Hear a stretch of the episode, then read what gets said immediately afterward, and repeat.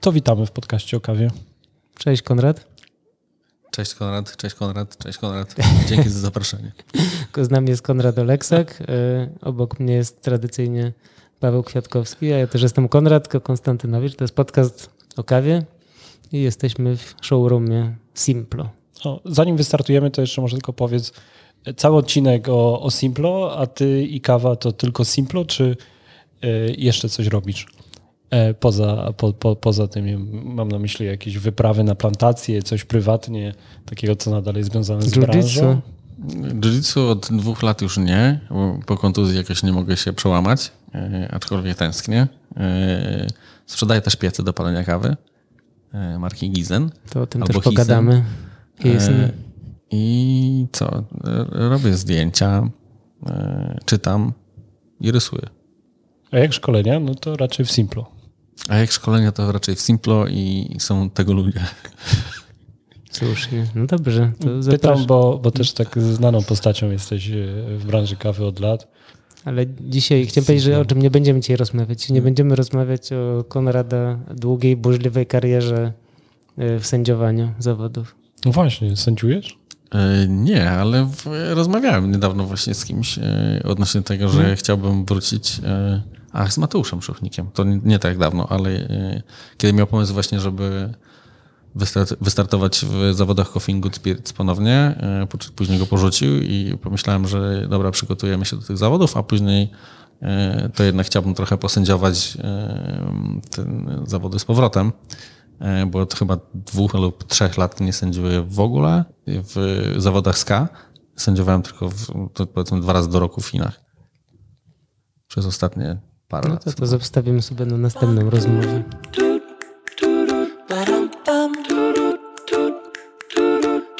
Partnerem podcastu o kawie jest Brita Polska, dostawca filtrów do wody dla gastronomii.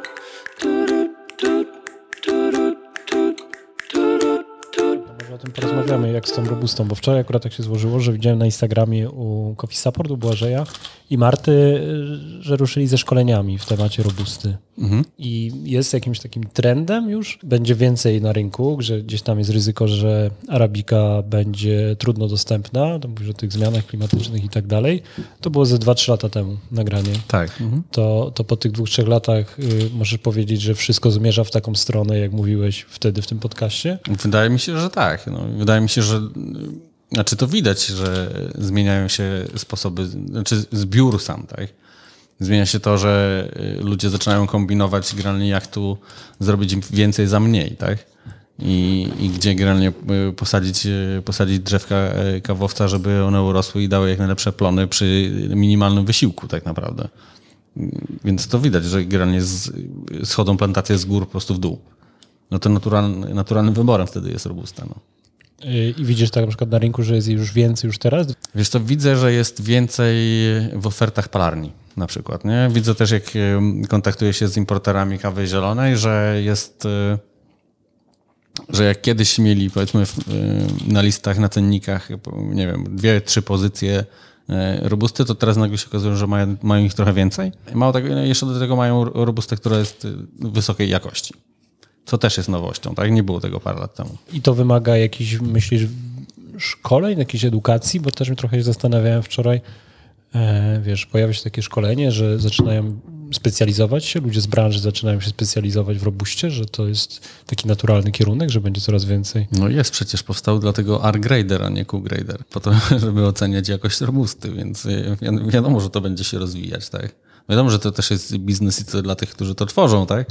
E, Ale myślę, że też jest po prostu potrzeba posiadania takich ludzi z takimi kwalifikacjami, tak? No bo jednak jest to zupełnie inna kawa od, tak. y, od arabiki. Jak rozmawialiśmy z Paulą Gowarek na festiwalu, to ona mówiła właśnie, że jedna z koleżanek od niej z laboratorium, czyli tam z Bero Polska, od importera, właśnie zrobiła też y, certyfikację R-gradera robusty, nie? czyli to też, bo są zupełnie też inne metody oceny tej robusty, czy zupełnie, nie zupełnie, no ale są inne arkusze i inny sposób się ocenia tą kawę.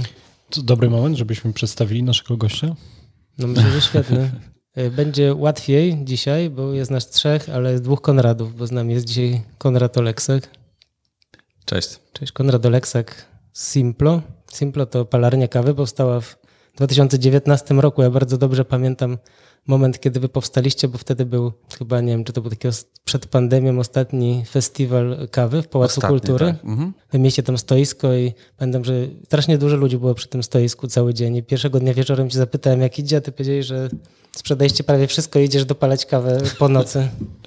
No, tak było, byliśmy zaskoczeni. To znaczy i tak e, zakładaliśmy, że powiedzmy, przygotowaliśmy jakąś tam ilość kawy i założyliśmy, że 20% więcej po prostu dopalimy i, i to będzie ok, że będzie wystarczająco i było to dla nas takim super miłym zaskoczeniem, że jednak e, ludziom się to spodobało i chcieli, posmakowało i chcieli po prostu więcej, więc I co, i całą noc stałeś przy piecu? nie, no pamiętam, że chyba wtedy o 12 czy o 1 skończyłem. A później ktoś to musiał spakować. No też ja. Akurat.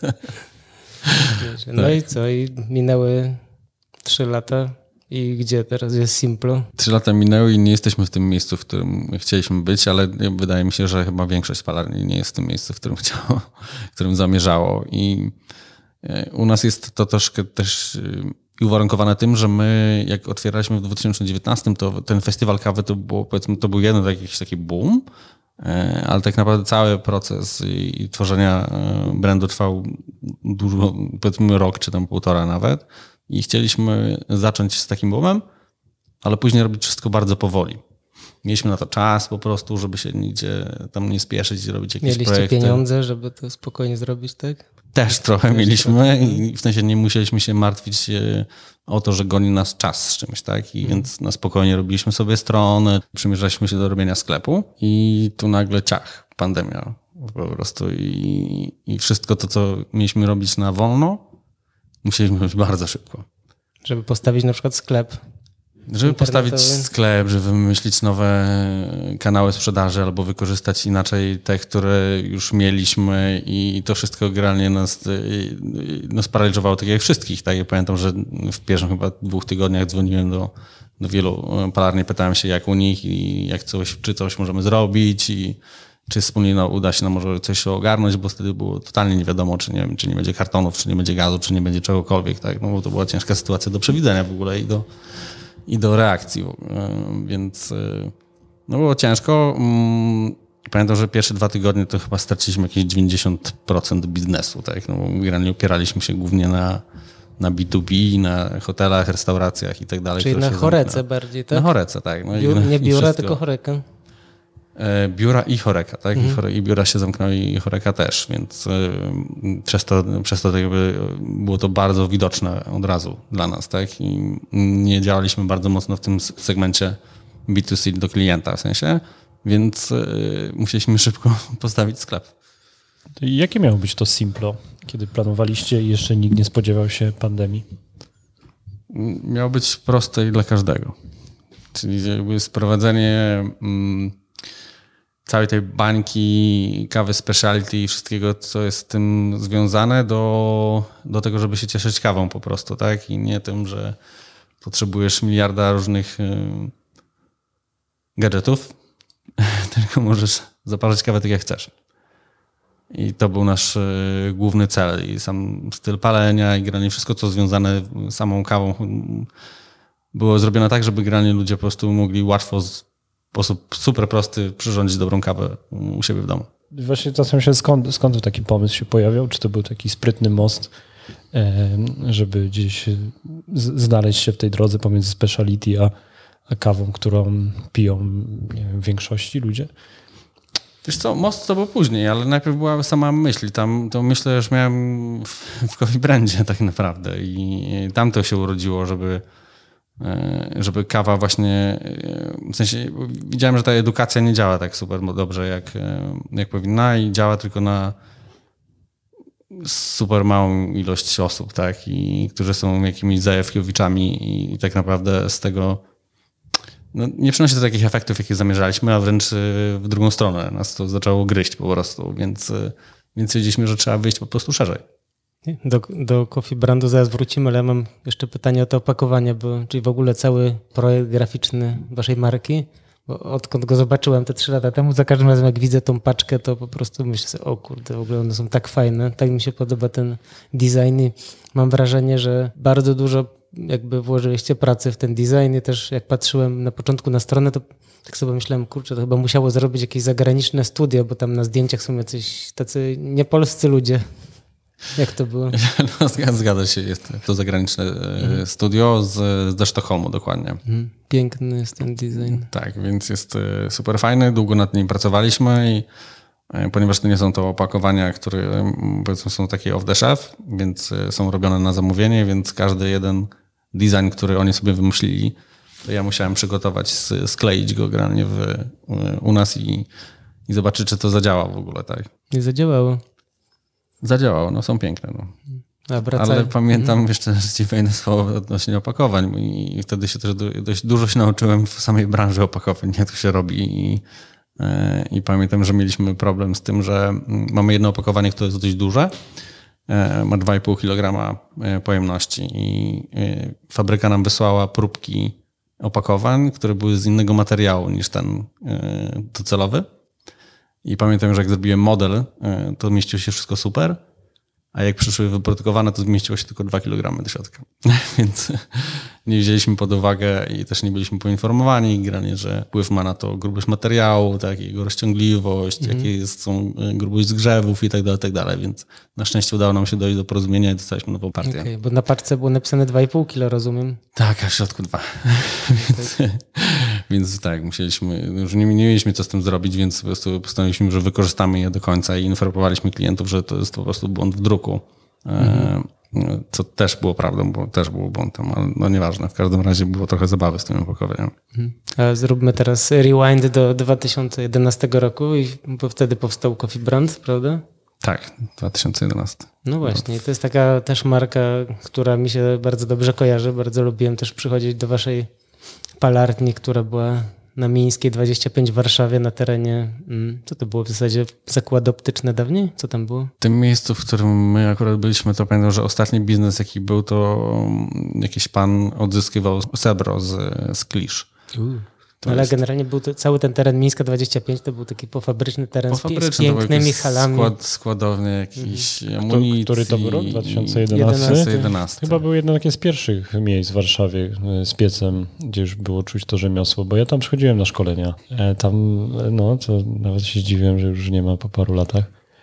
No tak, myślę, że właściciel terenu w końcu stwierdził, że bardziej mu się opłaca czy wprowadzić tam mieszkaniówkę, biurowce, a nie mniejsze biznesy, co? Nie, nadal są te biura tam. No, biura są. Są te biura. My wiedzieliśmy generalnie, że coś tam będzie od samego początku. W ogóle y, naszym miejscem, które powiedzmy wybraliśmy i dostaliśmy też na to zgodę, było y, budynek. To był budynek, w którym obecnie jest teraz Muzeum Neonów. Mhm. Więc y, to miało być to miejsce, w którym mieliśmy być, ale tam niestety trzeba było zmienić przeznaczenie budynku, więc generalnie to za długo by trwało. Poszukiwaliśmy czegoś na już, więc zaoferowali nam ten budynek, w którym się później zadomowiliśmy na parę no lat. No i ile lat tam był Coffee Brand? Sześć? Sześć, no właśnie. no i teraz chyba jedyną, mam wrażenie, pozostałością po Coffee Brandzie to jest y, kilka kaw na Coffee Desku, prawda? Co jest ciekawe, że tak brand, można powiedzieć, nie istnieje, a kawę można kupić. No, no istnieje, ale... Przyzwyczajenie. Istnieje, istnieje brand, nie o co, istnieje o co chodzi ale... właśnie z tą kawą? Czemu ona została?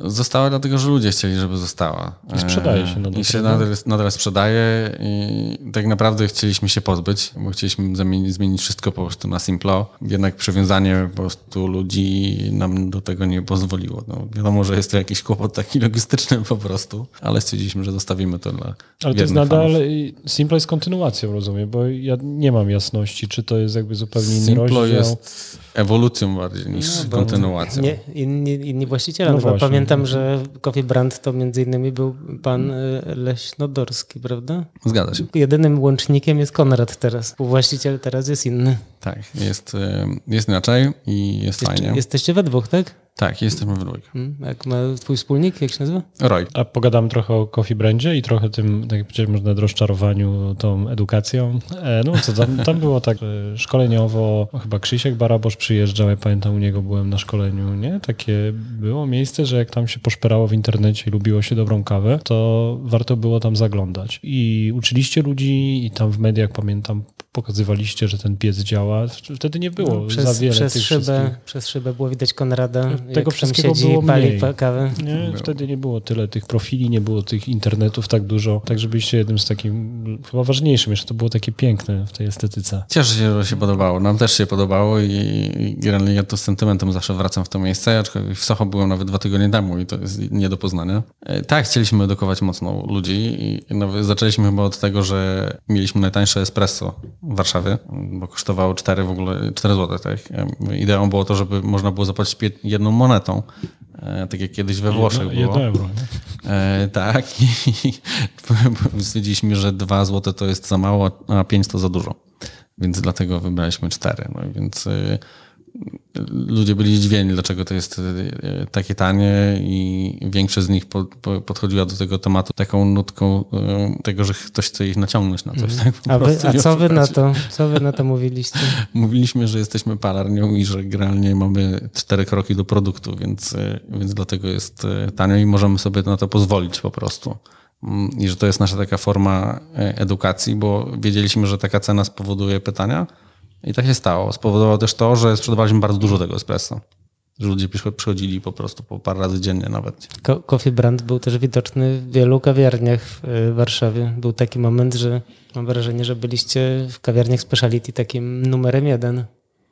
Był taki moment rzeczywiście. Nie? Później to się trochę rozwodniło i to tak jak wszędzie, ale to i wszędzie na świecie tak naprawdę, bo im więcej tych um, e, nowych produktów, nowych palarni powstaje, no to ludzie mają większy wybór i też wiedzieliśmy, że, że klient, e, że klient, nie wiem, może to kogoś zaboli, ale generalnie klient kawy specialty to nie jest lojalny klient.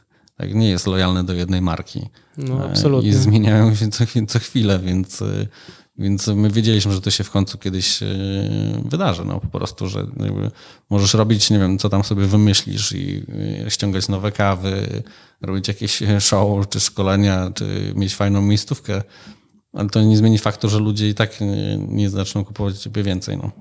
bo tak to nie działa. No ale rozumiem, że zmiana dla ciebie, zmiana z Coffee Brandu na Simplo to nie było wyłącznie to, że, że chciałeś y, coś nowego zrobić, co znowu pobudzi ludzi z branży speciality, tylko to była jakaś, no nie wiem, decyzja twoja, wasza, czy wręcz y, inwestorów, żeby zamknąć tą firmę, tak?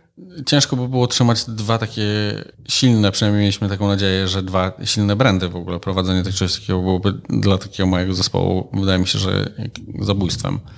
Więc No jak się- że zabijemy e, Coffee Brand po prostu. A co spowodowało? No właśnie to, że my wyskoczyliśmy przecież z całą ideą grania, że świeża kawa smakuje lepiej. Tak? Przecież to było nasze główne motto, które, No tak. e, które świeciło na naszych pięknych paczkach zaprojektowanych Tak. przez Piotka Błynowskiego. E, i- Właściciele relaksu z Dąbrowskiego i z Miodowej. Dokładnie.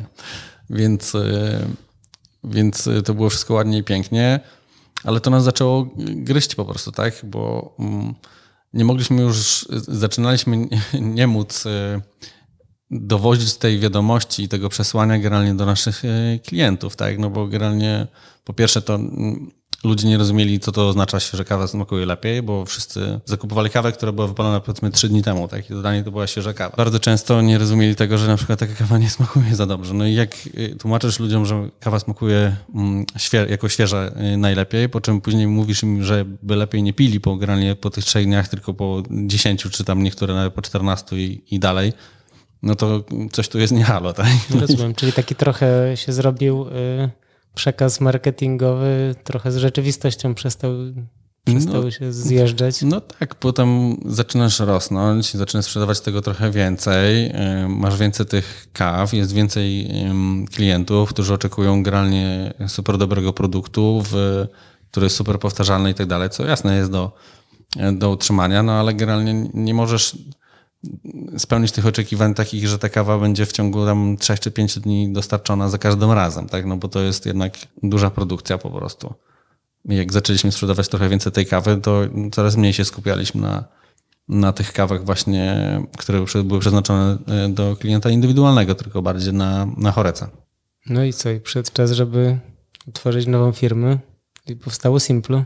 I Tak, mam wrażenie no. jeszcze, że Simplo jest y, same na, nawet etykiety kawy Simplo, no to chyba pokazują, że chcecie, poszliście trochę pod prąd, bo na etykietach nie jest napisane kto jest farmerem, tylko są, ka, każda kawa ma swoją nazwę. Każda kawa ma swoją nazwę pochodzącą od y, tytułu jakiejś piosenki. Piosenki, tak, dokładnie. Więc y, to akurat y, z, z tymi nazwami to wy, wyszło w trakcie. Y, Samymi, że generalnie może zrobimy tak, bo i, ja i Roy po prostu kochamy muzykę i stwierdziliśmy, że byłoby super właśnie mieć y, kawy, które będą się nazywały takie kawałki, które akurat uważamy, że pasują do, tej, do danej kawy. A na jakich artystów postawiliście? No, rozstrzał jest strasznie duży, takie jak kawy, więc No to na przykład mamy Stormy Weather, to czyli to numer. może tego nie pamiętam, trochę głupio, ale nie pamiętam. A którą pamiętasz? A Take Five? Take Five to jest brewback i jest, y, no jest tego sporo. Za każdym razem, jak wybierzecie kupić, kupić jakąś kawę, zaczynacie ją palić, to rozkminiacie sobie, do jakiego utworu by pasowała? No, A w jakim znaczeniu? Że przy czym by się dobrze piło, czy bardzo, bardziej z czym wam się, z czym wam się kojarzy? Wiesz co, to i to.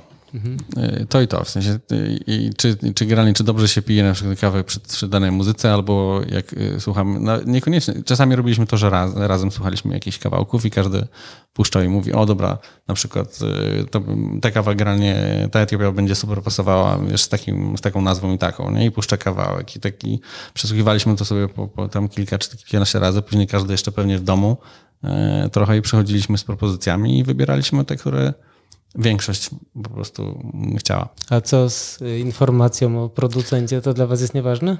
To nie Tak jest pytam tak, teraz oczywiście Wiesz trochę tak, wiesz, pod włos cię biorę, bo wiem, że dla ciebie osobiście jest to ważne. tak, ale generalnie jak rozmawiałem z farmerami przed podjęciem takiej decyzji, e, przedstawiając im to, że to, że na przykład nie będzie tam właśnie nazwy farmy, ani farmera, ani innych takich dodatkowych informacji o nich na samej paczce, e, spowoduje, że będziemy mogli sprzedać tego więcej. No bo oni też tego nie robią przecież dla samej idei, tylko po to, żeby zarabiać. E, I powiedzieliśmy że po prostu graficznie to się nie układa. Chcieliśmy zrobić to jak najczyściej, jak e, tylko można. I żeby przekaz był po prostu jasny i na froncie były po prostu smaki. I to tyle.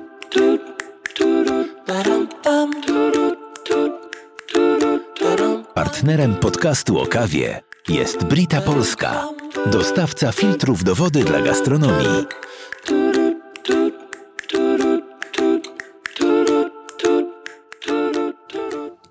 Ten, to, to Simplo jest bardziej dla właśnie biznesu, czy...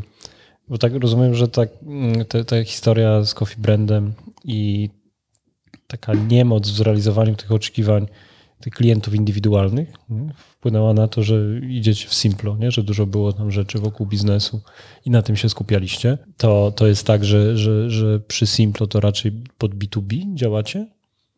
Wiesz co, no generalnie chcieliśmy więcej zarabiać, no jak każdy. No. E, Po to, żeby móc robić fajne rzeczy. e, I w kawie, i dla nas samych, więc e, jakby to było naturalne, żeby, żeby to zrobić akurat w tym kierunku i skupić się właśnie na, na chorece i na biurach. No. Okej, to co z tymi właśnie ludźmi, którzy mm, wiesz, wchodzą w ten świat kawy i lubią wiedzieć, e, kim był ten plantator.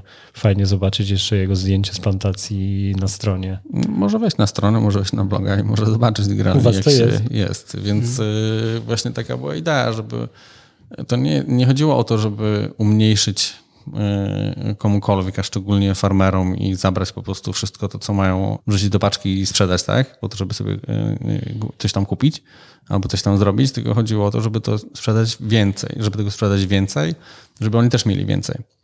E, jak, tak jak mówię, jak, po całym właśnie takim researchu, po godzinach tak naprawdę, czyli nawet i dniach i tygodniach rozmyśleń, jak to, jak to ugryźć i rozmowy właśnie z farmerami, e, z tymi argumentami, oni stwierdzili, że dla nich to jest bez znaczenia w takim, w takim razie. Skoro nam się udaje sprzedać tego więcej, to dlaczego nie? Skoro ta informacja będzie gdzieś e, zawarta, no to jakby jaki to jest problem? Poza tym nawet ci mali farmerzy sprzedają przecież do, do dużych firm i tam y, są blendowani, czy giną po Totalnie prostu. anonimowymi. I są a- anonimowi, więc, y, więc y, fajnie lubią się cieszyć granie i, i chwalić, jak udaje mi się zrobić coś fajnego i to jest super. I są takie palarnie, które mm, jakby w tym współgrają. I to jest też super. Te kawy wszystkie, które wy macie i które się nazywają tak jak się nazywają, czyli jak y, numery rock'n'rollowe i inne, y, są kawami single origin, czy są to też mieszanki? Y, kawy, y, wiesz co, i, i tak, i tak. I są mhm. single i mamy właśnie, mm, chcieliśmy, żeby były co najmniej dwie kawy, y, które będą dostępne przez cały rok i niekoniecznie te same, ale z tych samych krajów. Mhm. I to jest właśnie Aguas do Marso i Jora, to jest Etiopia i Brazylia. I chcieliśmy, żeby właśnie te kawy były dostępne cały rok. Więc to są single. I one, rozumiem, że zawartość ich rotuje w jakiś sposób, tak? Zawsze tak, w zależności od tego, mhm. jaka, jest, jaka jest dostępność, co jest e, fajnego, fajnego na rynku, e, co ma też dobrą cenę po prostu. No bo na tym, tym nam zależało, żeby ta kawa była łatwo dostępna, tak? Żeby nie była super, super droga, żeby po, była powiedz nam, jakie są ceny? To jest dla biznesu, tak? Mniej więcej, jak, e, jakie to są przedziały, gdzie. To jest bardzo ciekawa koncepcja tej takiej dostępności, wiesz. Mhm. E, to jest w granicach 100 zł za kilogram. Dobra kawa, brutto. 100 parę. 100 parę, no. To ciekawe. Wiesz, bo jeszcze przypominam sobie takie dyskusje, wiesz, jakieś zarzuty, że na przykład paczki e, Auduna, wiesz, nie mają opisów sensorycznych. My tutaj też z Konradem gdzieś tam poruszaliśmy ten temat, rozmawialiśmy w podcastach. E, inni to mają i mam wrażenie, że jeszcze tak w podcaście tak wprost nie mówiliśmy, że mm, nie wiem, z takim dużym przekonaniem mówisz, że to nie jest istotne, nie? Jeśli myślisz o takim biznesie, e, który no, ma zarabiać. Nie? Znaczy paczki I mają opis sensoryczny, drogę. te Simple mają opis sensoryczny, a nie mają y, informacji o farmerze. Dokładnie. Jest y, zawsze to powiedzmy trzy deskryptory. I, I pamiętam, że na początku E, jak e, powstawał Coffee Brand i zrobiłem pierwszy e, pierwszy blend i zawiozłem go do jednego z importerów po prostu, żeby coś tam sprawdzić, może ewentualnie coś tam po, poszukać, to jego pierwsze, jego pierwsze zdanie było, że to jest tutti frutti. To tam było z 8 kaw, taki włoski styl. I generalnie było, sam siebie chyba przekonywałem, że to jest dobre. Przesadziłeś? Trochę przesadziłem, trochę rzeczywiście. Mm, w tej paczce było, pokazało się totalnie po prostu brak mojego doświadczenia w tym temacie się, się uwypuklił, tak? Więc y, wróciłem do domu z spuszczoną głową i mówię, dobra, trzeba to zrobić inaczej. I wtedy już tak trochę mm, e, właściwie narodziła się idea tego, żeby upraszczać po prostu wszystko to, co możliwe w tej kawie. A jak to się stało, że zacząłeś palić kawę w ogóle? Wiesz co, pracowałem za granicą dla y, kawiarni i poprzez różne tam perypetie wylądowałem w największej palarni kawy y, w Irlandii, która, w firmie, która się nazywa Bewley's. To jest takie dobro narodowe dla nich jak Guinness trochę. Mhm. Y, I, I, tam się tym zainteresowałem po prostu. Wiedziałem, że w, w Polsce będę chciał to robić.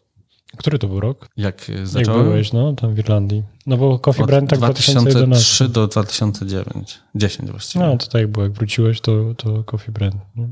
no nie tak od razu, bo jeszcze moja pierwsza praca w kawie w ogóle w Polsce to była właśnie u Tomka Uracaja w e, Aprotrade. Mm. Więc e, tam, gdzie wielu e, no tak. zaczynało lub, lub przeszło przez na swojej ścieżce kawowej. Zresztą chyba teraz E, robi coś razem z Marcinem Rosnarczykiem, widziałem ostatnio, Tomek. Więc Czyli super, gratuluję mi. Jeden z pierwszych powodzenia. mistrzów e, Polski baristów. Dokładnie. I z panem, czyli z Tomkiem, generalnie osobą, która jest taką no, kawową instytucją, nie ma co ukrywać w Polsce, która rzeczywiście to wszystko tutaj zaczęła. No tak, pierwszy pierwszy szef SKA w Polsce i w ogóle honorowy chyba prezydent tak SKA całego. No tak, dokładnie. Tom, Tomek Obracaj to faktycznie człowiek instytucja. Ja mam takie wrażenie, że przez całą twoją kawową karierę to się to wszystko obraca wokół Gizena, czy jak to mówią Holendrzy Hizen. Ja, ja, nie mówię, ja nie mówię taki, muszę przyznać, że mm, mam z nimi kontakt od wielu, wielu lat mm, i jak dostałem zaproszenie do tego podcastu, Bo mówimy teraz o podcaście właśnie tego Gizena, tudzież Hizena, który nazywa Roastcast. Tak, dokładnie. Ma teraz nową odsłonę i kto innego prowadzi, ale właśnie dziewczyna, która, która mnie do niego zaprosiła i, i to, to, od niej od pierwsza słyszałem w ogóle, że się mówi Hizen. Oni nawet sami nigdy ze mną w kontaktach nie mówią, że to jest, że to jest Hizen, tylko że to jest Gizen, tak po prostu. No to skąd pomysł na tego Gizena i twoja miłość do niego? Bo teraz to mam wrażenie, że macie w palarni chyba z połowę w ogóle modeli, jakie ta firma produkuje, bo macie kilówkę, piętnastkę i trzydziestkę, tak? Tak, dokładnie. Prawie połowę. takim razie. Wiesz co, mm, ja pierwsze chyba jakieś takie konkretne szkolenie e, spalania kawy zrobiłem e, na Gizenie i to było to było w Malmę u mojego przyjaciela Filipa Ackerbloma i po prostu pokochałem prostotę tych piecy. To, to, znaczy one są super skomplikowane generalnie wewnątrz, a dla użytkownika są bardzo proste i to mi się bardzo podobało, że ktoś robi tę pracę za ciebie żebyś ty nie musiał się tym przejmować i generalnie przekładać miliona różnych e, dźwigni mhm. i pies to zrobić za ciebie równie dobrze. Tak. E, I po prostu jest łatwiej i przyjemniej z tym pracować i zaoferowali mi, czy nie chciałbym e, ich sprzedawać po prostu w Polsce. Czy to był moment, czy jest dalej tak, że jesteś dystrybutorem? Tak, wciąż jestem dystrybutorem. Okej, okay. no widzisz. Ale to jest coś takiego, że że te gizeny to tak jak na przykład masz e, piec Marshalla do gitary, jest taki Marshall Sound, to jak masz gizena, to jest też taki gizen taste później z tej kawy, że to jest... to dla mnie zawsze najlepiej, tak? Ale generalnie chodzi o to, że e, no, generalnie piec bębnowy, właściwie wszystkie są bardzo zbliżone, jeśli chodzi o, o, o smak, tylko sposób do tego, jak do tego dojdziesz jest, e, trochę się różni i w Gizen jest bardzo łatwo to zrobić. No, chcemy jeszcze trochę pogadać o rynku, nie? bo to jest na pewno mhm. ciekawe. E, ale jeszcze zapytam to, odbierasz siebie jako osobę e, taką przedsiębiorczą, że wracasz do Polski i zakładasz firmę, czy tam jesteś współ, współudziałowcem, powstaje Coffee Brand, później nadal masz chyba dość duży biznes. Ja tak trochę jestem onieśmielony, bo jesteś w takim nowoczesnym biurowcu. E, no tak, bo my nie jesteśmy w palarni dzisiaj u Konrada, tylko jesteśmy w showroomie. Tak. Mm, Wiesz co, zawsze myślałem, że jestem przedsiębiorcą, a wcale nie jestem. Absolutnie nie jestem. E, ja lubię e, i umiem wymyślać, jestem takim bardziej wizjonerem generalnie, ale gdybym miał samemu to prowadzić, to pewnie by się to nie wydarzyło. Nie umiem tego robić, nie interesuje mnie to. Nie lubię Excela, aczkolwiek doceniam ludzi, którzy się na tym znają i to robią na co dzień. E, ja, ja się po prostu nie nadaję do, do biznesu. nie, nie mógłbym Czyli rozumiem, że twój wspólnik jest tym od cyferek, a ty jesteś tym od wizji. No tak i wiesz co, zawsze tak było tak naprawdę, że, mm, że po to, żeby generalnie realizować właśnie jakieś e, cele i jakieś marzenia, e, to, to, to ja potrzebowałem kogoś, kto się po prostu na tym zna. I, bo ja tego nie potrafiłem robić. I dlatego też Coffee Brand przestało istnieć, bo na przykład wiedzieliśmy, żeby, żeby urosnąć, potrzebujemy dystrybucję, ale nie mogliśmy jej sami stworzyć, więc dla mnie naturalnym rozwiązanie było połączenie się z kimś, kto już tę dystrybucję posiada po prostu. I tym kimś był? I tym kimś był Roy właśnie. Mhm. No właśnie, bo Roy, twój wspólnik, jest też dystrybutorem kawy Mauro, czyli to jest włoska palarnia, taka duży, całkiem duża, no nie największa pewnie, ale jedna z większych, mm, prawda? We tak, Włoszech. tak, tak. Mhm. No fajnie, czy jednym. Czy, no to nie jest tak, że te biznesy się trochę gryzą przez to, że musicie przyjść do klienta i mu powiedzieć, że możesz mieć włoską klasykę albo konradową y, nową stylistykę, że tak powiem? Myślę, że to jest y, zapełnianie potrzeb.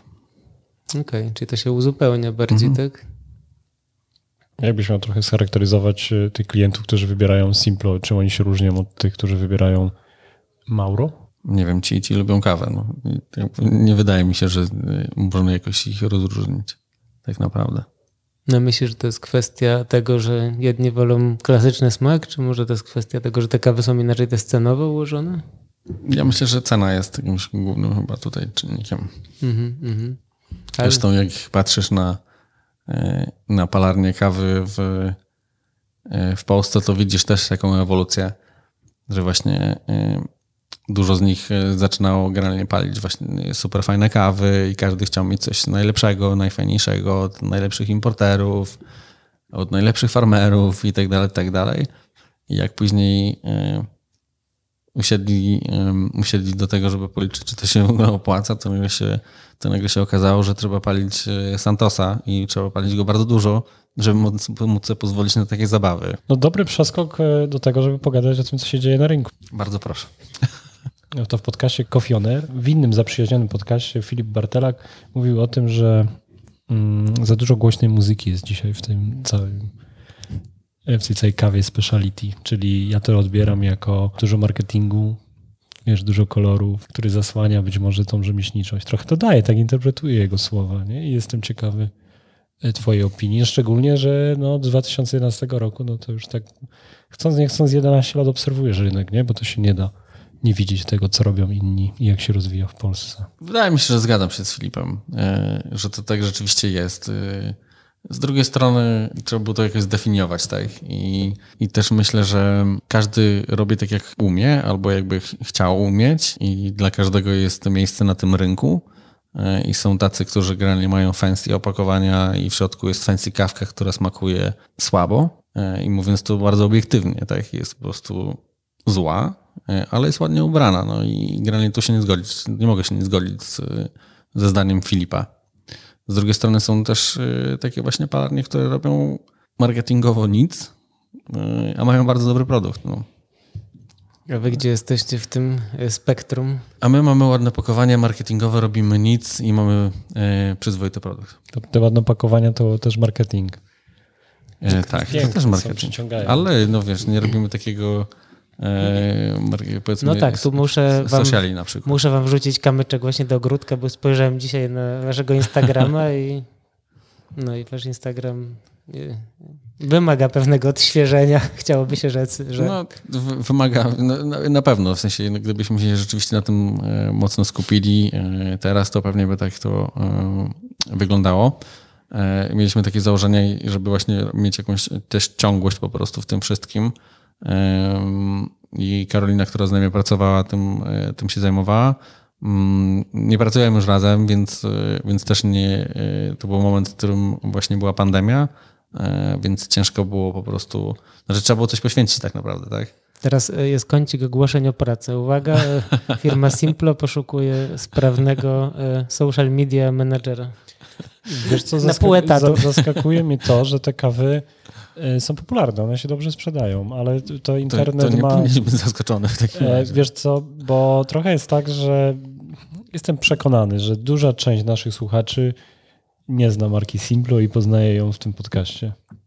No może, bo, e... no bo to prawda, że ja też tak myślę, że ja znam oczywiście tą mar markę od powstania y, i bardzo często zwracam na nią uwagę, no bo ten żółty języczek, że tak powiem, nie wiem jak to fachowo nazywacie, Języczkiem. Okej, okay, no, no to trafiłem. Zobaczycie zresztą w e, opisie odcinka będzie kilka zdjęć, więc zobaczycie jak to fajnie wygląda.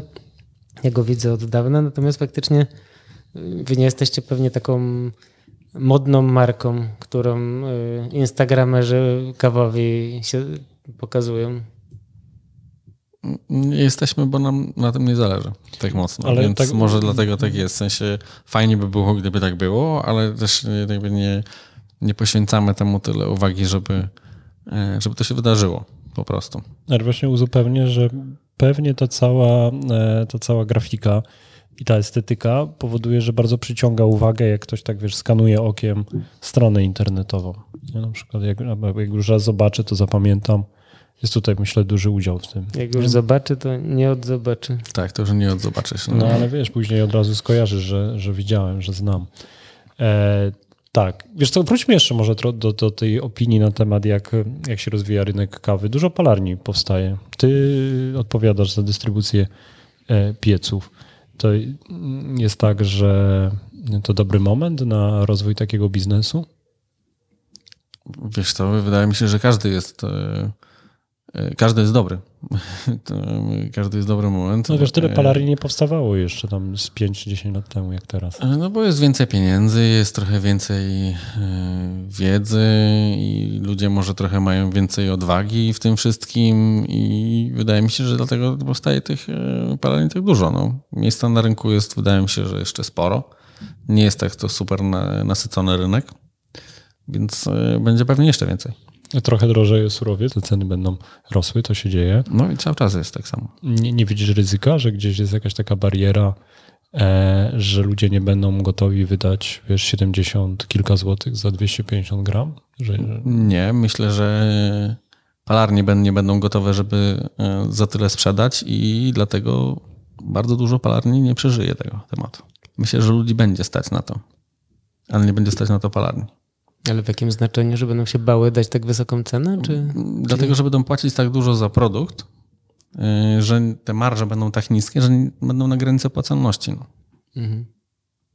I takie małe, małe palarnie mogą tego nie przetrwać. Czyli te właśnie, które nie, nie palą dużych ilości też prostszych kaw i sprzedając je z większą marżą, żeby móc sobie pozwolić na te drogie i ekskluzywne. Tak? Wiesz co, wydaje mi się, że to jest tak, ale nie mam jakiejś gotowej receptury na to. Gdybym miał, to byłoby super. No. no to czekaj, to się rysuje taki obraz, że albo Konrad, jak chcesz pozostać w tym speciality, to być może będziesz musiał y, już ósemkę mieć z przodu. Nie? Teraz Może ty wkrótce... patrzysz i mówisz, patrzysz na Konrada mnie i do mnie mówisz. No aha, to tak, widzisz, rzadko się tak zdarza. Ale wiesz, no bo mówisz, że, że, że mm, jakby klient, palarnia, no prosty, prosty pomysł, jaki przychodzi, no to będzie wzrost tej ceny. No ale to dojdziemy do momentu, kiedy ta paczka kosztuje 80 parę złotych, nie? 250 mhm. gram, nie? I ty na przykład zostaniesz w tym modelu Konrad, że będziesz takie dobre ziarno sprzedawał i tutaj też się pojawia ryzyko, wiesz, czy znajdziesz tylu klientów, no to z drugiej strony masz yy, konieczność palenia na przykład Santosa, nie? żeby przetrwać. Jest jakaś inna droga, czy można to połączyć? Wiesz, ciekawy jestem. Wiesz co, wydaje mi się, że można połączyć też, y, nie antagonizowałbym jakoś y, tego Santosa, bo to jest, nie, nie, jest zła kawa. Y, są dużo gorsze i, i generalnie rzeczywiście, jeśli ten Santos jest przyzwoitej jakości no jest dobrze Santos, Santosowi tak nierówny oczywiście. To, to myślę, że to nie jest zła kawa. No. I, I generalnie wielokrotnie e, wolę się napić takiej niż napić się super kwaśnego espresso e, w jakiejkolwiek kawiarni speciality. No. Gdyby tak pokusić się o jakąś receptę dla dla, dla tych, którzy kupują właśnie pies, bo są często gośćmi naszego podcastu. Nie? Mhm. Pewnie mają dobre, e, dobre pomysły na biznes, nie? na lata, bo to są naprawdę, ja myślę, już ludzie, którzy potrafią sobie opracować Excela. E, są leasingi, są narzędzia. To, to nie musi też być ktoś, kto przychodzi z dużą kasą i inwestuje, ale tacy przedsiębiorcy, ludzie młodsi od nas około 10 lat, nie? niekiedy więcej, pewnie mają pomysł, ale jakbyś im e, powiedział, jak można byłoby poukładać. To, to by było tak, że jakiś procent y, czasu pracy pieca e, raczej zarezerwuj pod, pod kawy trochę niższej jakości, które będą do takiego rynku masowego, a część to będzie jakimiś takimi cukierkami? Wiesz co, wydaje mi się, że to zależy od tego, z jakiej półki startujesz, tak? W sensie, jakie masz zaplecze finansowe. Z definicji palarnia powinien zarabiać od dnia numer jeden, tak? To tak jak jest y, teraz z kawiarniami, a jak kiedyś było, że generalnie po roku kawiarnia zacząć, powinna się zwracać, tak? No, to już nie istnieje, jest nieaktualne totalnie, bo kawiarnia powinna zarabiać na numer jeden. I wydaje mi się, że w palarniach jest y, też tak. Pomysł, biznesplan, a przede wszystkim wykonanie tego jest kluczowe po prostu bez znaczenia, jaki mają sprzęt i, i wiedzę i tak dalej, i tak dalej, ale generalnie się pomysł, a przede wszystkim właśnie wykonanie tego. Nie? Zawsze musi być ten ktoś, kto e, po prostu to dowiezie, no bo wizjonerów jest e, mnóstwo i, i wiesz, to, i tak to działa. No. Jak, jak szukaliśmy kogoś, kto nam zrobi e, opakowania, w ogóle cały branding, to trochę odskoczenie od samej palarni, tak? ale generalnie szukaliśmy kogoś takiego, to w Polsce znaleźliśmy wiele świetnych agencji, ale naprawdę wiele świetnych. To są ludzie z mózgami po prostu, nie wiem, wypełnionymi LSD, tak? I generalnie po prostu absurdalne, absurdalne pomysły, które były przepiękne. Mhm. Ale one były niedozrealizowane, tak? W sensie ich nie można było tanio zrobić, albo przynajmniej jakoś tam przyzwoicie, bo to były po prostu jakieś kosmiczne kubki, kosmiczne opakowania, kosmiczne po prostu wszystko. No i ceny też były kosmiczne i to by się totalnie po prostu nie spiało, więc myślę, że też wracając właśnie do tej kawej palarni, to chodzi właśnie o to, żeby było do wykonania, ale też, żeby nie odlecieć po prostu za mocno. No, no tak. A ty sam o sobie zresztą mówi, że jesteś wizjonerem, to jakie... Jak, Trochę no ale... Dobra. Jakie wizje teraz przed, przed wami? Ja usłyszałem w y, Roastcaście, że myślę, że o otwarciu kawiarni, być może nawet nie jednej, a wielu. Czy to dalej jest aktualne? Po pół roku od wyjścia do tego podcastu? Chciałbym, ale nie wiem, czy to będzie jakoś szybko do, szybkie do zrealizowania, tak? bo jednak e, wciąż jesteśmy pomimo tego, co mówi nasz rząd w pandemii e, i to wszystko nie funkcjonuje tak na 100% jak, e, jak wcześniej, więc jak będziemy mieli dobry plan, to go wykonamy. Na teraz po prostu takiego planu nie mamy. Dlaczego kawiarnia? E, wiesz co, no bo lubimy po pierwsze chodzić do fajnych kawiarni, po drugie e, jest to jakiś e, sposób też komunikacji z klientami. Możesz to też zrobić z tego po prostu nawet i punkt odbioru swoich, swoich towarów i trochę się uniezależnić od innych. No i a poza tym też jak ma się trochę fajnych jakichś pomysłów, to fajnie byłoby je wdrożyć i zobaczyć je u siebie. No tak. A byłaby to, myślicie, że będzie to kawiarnia Simplo, tak? Nie mam pojęcia, jakby się nazywała. To znaczy, na pewno byłaby to kawa Simplo, ale jakby się nazywała, czy to byłoby takie po prostu chamskie brandowanie e, swoim logo i tak dalej, nie, nie mam pojęcia na teraz. Mhm. Kto w ogóle wymyślił tą nazwę? To chyba kombinacja była, wiesz, różnych osób. Simplo w ogóle e, na, e, na początku było Simpli, o ile się nie ma. Ale było... Nie, Simpla, przepraszam. Mhm. Simpla. No Simple mi się tak nie kojarzy teraz z prostotą oczywiście, co pewnie miał kojarzyć, że mi się tak kojarzy z klockami Duplo, które są właśnie takie kolorowe i, i też jak wasze opakowania i to jakoś tak fajnie mi się składa. No generalnie prostota była głównym założeniem tutaj. Jak Coffee Brand też bardzo ładna nazwa. Ja nigdy nie lubiłem. Ja, te, ja też jej nie lubię, szczerze powiedziawszy. Moje, nasza e, była wspólniczka się uparła na ten brand po prostu. E, ja chciałem, żeby się nazywało po prostu Coffee, tylko no tam ta nazwa do mnie też nie przemawiała. Ja, to... Brand, bo tam się... Hmm. Dlatego w logo mieliśmy Coffee samo, tak? To mi się udało wywalczyć, żeby e, było samo Coffee. E, dzisiejszy wspólnik Simplo e, to jakby dołączył już do, do Coffee Brandu, czy pojawił się jak już zamykaliście Coffee Brand? Jak no nie jak zamknęliśmy, bo po prostu wykupiliśmy Coffee. Aha, z nowym wspólnikiem. Jak się mhm. znajduje właśnie kogoś takiego do biznesu? No bo wydaje mi się, że jesteśmy no, w miejscu, gdzie widać, że jest to duży biznes. No ja nie szukałem e, wcześniej. E, dopiero później, jak właśnie była też ta, e, ta myśl, żeby wyjść gdzieś szerzej i że potrzebna jest inna dystrybucja, to to akurat był dobry moment i, i akurat wtedy się spotkaliśmy. Mhm. E, powiedz właśnie, jak, jak, wy, jak wy działacie, jeśli chodzi o taką, wiesz, taką logistykę, no bo no, podałeś adres i jesteśmy w Warszawie, w okolicy Muzeum Powstania Warszawskiego i ja tak myślę, a jeszcze pewnie są jakieś takie budynki, gdzie można pies postawić, bo to jest ta część Warszawy, która się błyskawicznie e, zmienia. I coś nie, dziwiłeś się, że w nowoczesnym biurowcu nie ma e, pie, biurowcu, pieca, tak? Z recepcją, z windami i, i że jak wiesz, zaparkowałem, to wiedziałem, że, że to nie tak. E, gdzie macie palarnię i czemu służy to miejsce, w jakim jesteśmy, gdzie podkreślę jest bardzo ładny, duży bar, e, półki pełne kawy, pracownicy, mm, nowoczesne meble, dużo światła to, to nie pachnie rzemiosłem, że takim, do jakiego jesteśmy przyzwyczajeni, kiedy my tutaj gadamy o kawie. Tak, tak, takiej scenerii, jaką oglądamy na Instagramie. Biuro powstało jeszcze przed tym, jak powstało e, Simplo. My po prostu korzystamy z niego. E, kiedy, Ale wtedy już byliście, możemy. nie jako Coffee Brand, czy jakoś tutaj zawodowo? Nie, to mówisz o budynku, tak? No samo przemysł samej przestrzeni, tak. Ta sama mhm. przestrzeń istniała przed, przed Nido, tak. Istniała jak był Coffee Brand, bo firma Roya generalnie jest od 15 chyba lat na rynku. Czy Aha, 17. czyli jakby zasiedliliście biuro tutaj. Tak, tak. Aha, okej, okay, okej. Okay. A to miejsce służy wam teraz, rozumiem, za showroom. showroom. Mm. To robicie tu szkolenia też? Robimy też tutaj mhm. szkolenia. Tutaj też testujemy kawę, bo jest e, po prostu spokojniej. Czyli mhm. Mauro to tutaj też, tak? To rozumiem. Mauro tak. też jest tutaj. Ja wszedłem ci w słowo. Mówię, że palarnia jest?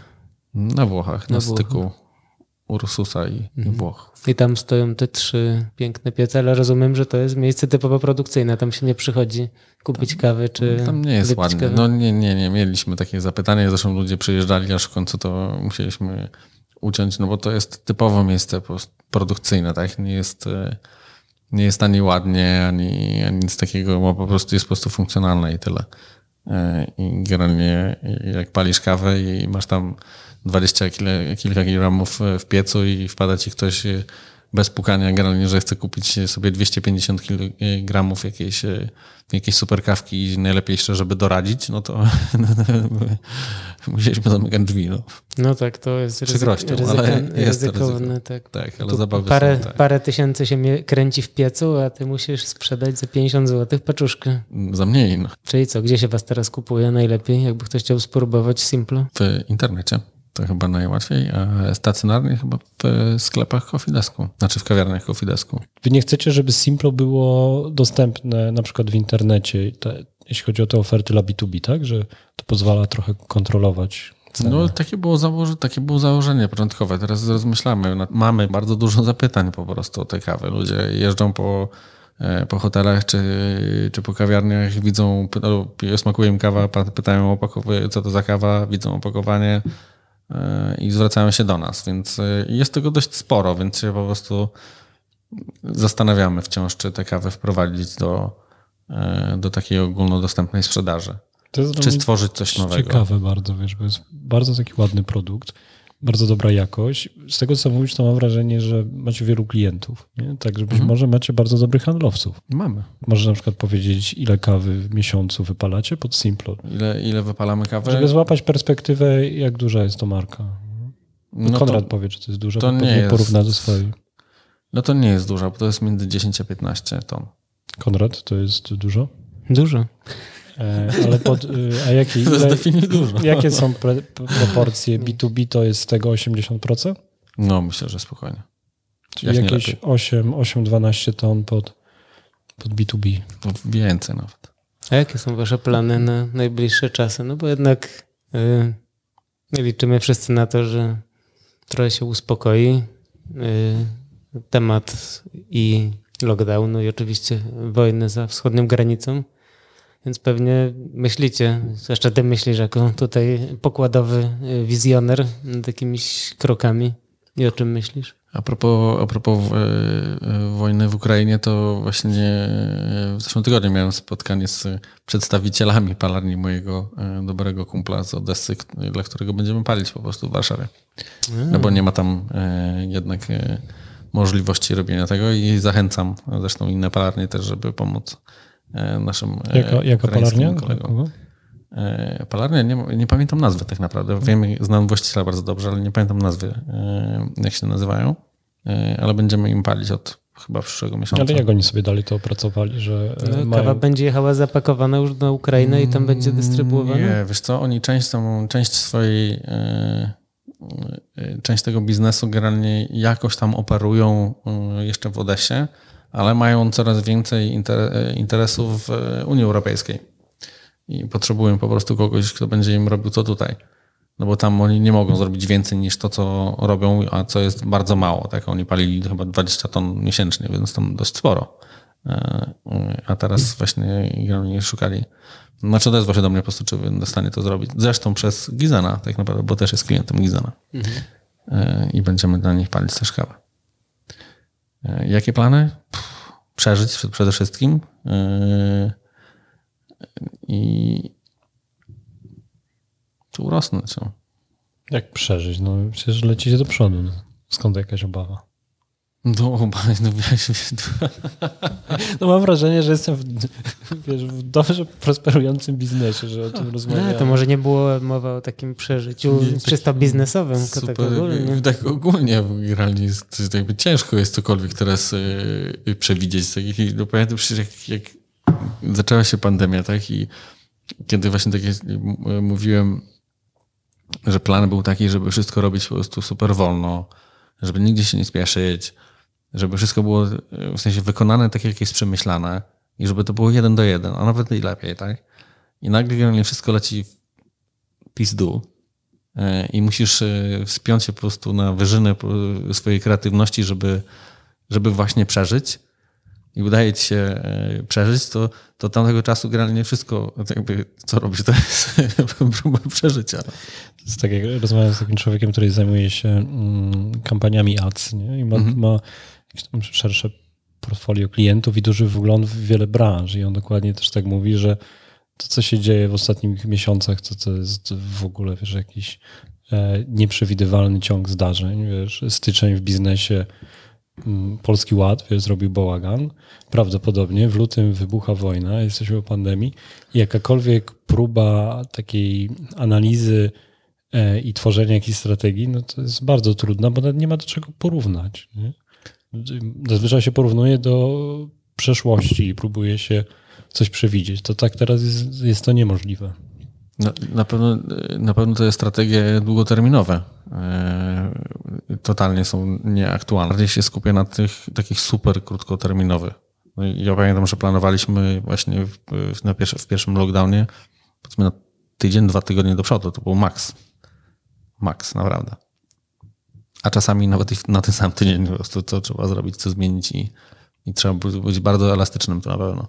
Co też jest fajne, no bo widać też, e, jak, e, czy jesteś generalnie odporny po prostu na, na tę e, ogromną ilość stresu tak naprawdę, no bo jak się prowadzi tę firmę, to przecież nie robisz tego, tego dla siebie i, i też są pracownicy, którzy muszą dostać pieniądze i tak dalej, więc też nie robią tego za darmo. No, no więc no to tyle. Nie jest łatwo, no bo wiesz, to fajnie się poćwiczyć, pogimnastykować przez trzy tygodnie, ale jak już to trwa dwa lata.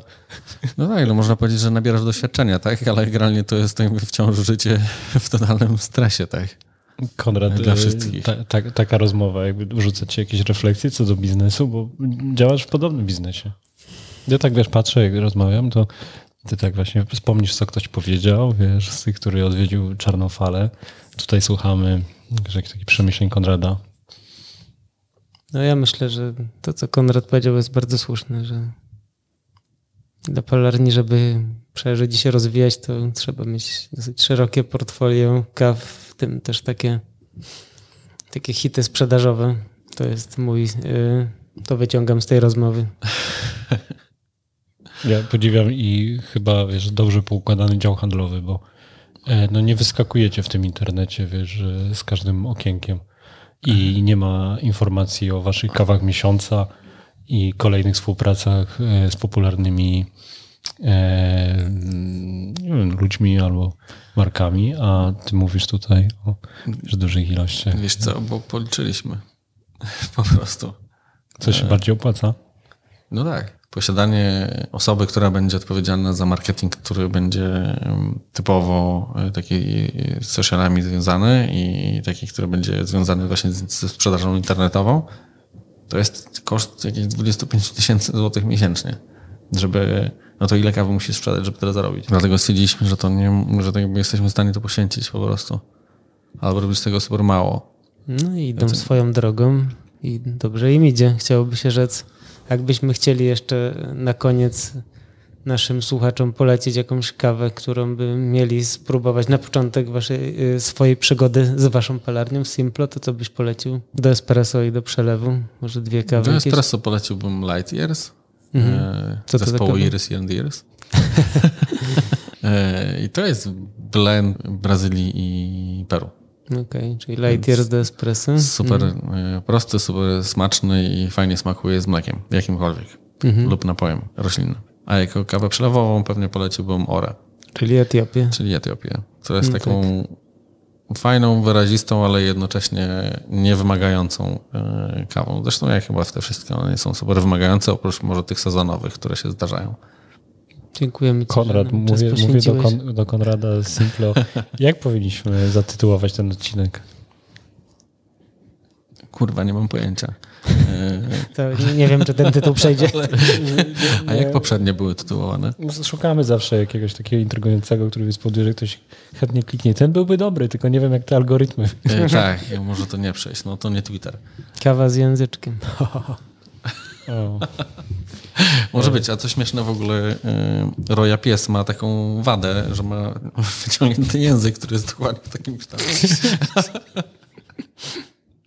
Co, znalazł go w schronisku specjalnie? Ten no, z językiem? Akurat nie, no nie miał, y, to nie jest pies ze schroniska, tylko z, z hodowli, bo akurat takiego po prostu sobie wymarzył. E, nie, później się okazało, to po jakimś tygodniu czy dwóch e, się okazało, że tak, że tak ma. Taki ten model że, tak ma. Że ten model tak ma i to w ogóle było mega śmieszne, jak się zorientowaliśmy, że jest dokładnie w takim kształcie. Dobra, panie, musimy jeszcze się tak chyba pożegnać, bo nie powiedzieliśmy tego, że dziękujemy i do widzenia. Dziękujemy. E, w tak w pięknych miejscach, w pięknym mm. miejscu jesteśmy. Konrad Oleksak, Simplo, dziękujemy. Dzięki bardzo. Dzięki.